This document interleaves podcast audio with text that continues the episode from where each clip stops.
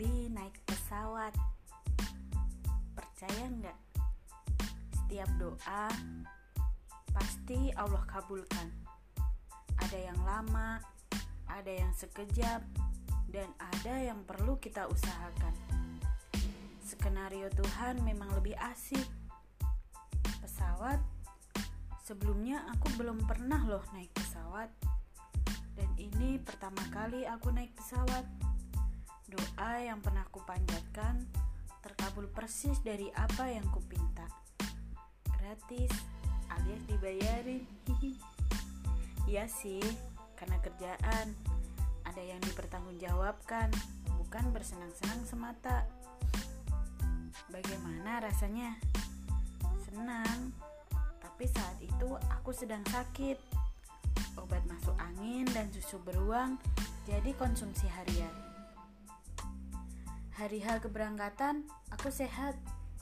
Mungkin karena aku bahagia. Dari Jakarta Selatan menuju Suta, ternyata jauh sekali. Hingga sayang membuang waktu di perjalanan. Akhirnya, kumanfaatkan waktu untuk tidur. kan lagi sakit, tidur itu bermanfaat loh. Apalagi cuaca mendung. Naik taksi online bersama teman aku, Vian. Sebenarnya mau bertiga, tapi driver gak mau jemput orang lain di tengah jalan. Takut di band katanya. Ya udah, daripada debat, kami menerima aja. Sampai di Suta, terminal berapa ya aku lupa. Sambil menunggu yang lain, sambil memandangi sekeliling. Wow, menarik. Hampir mirip kayak alur naik kereta api sih, tapi lebih panjang alurnya dan jauh banget. Jalannya dari tempat print tiket hingga ke gate tujuan. Di sini scan, di sana scan. Oh, gini ya. Seru seru seru. Sambil perjalanan di bandara, meraba-raba. Ngapain ya selanjutnya? Tiap alur terasa dibimbing dengan melihat gerak-gerik teman orang di depan saya yang juga sedikit-sedikit mengajari. Berulang kali.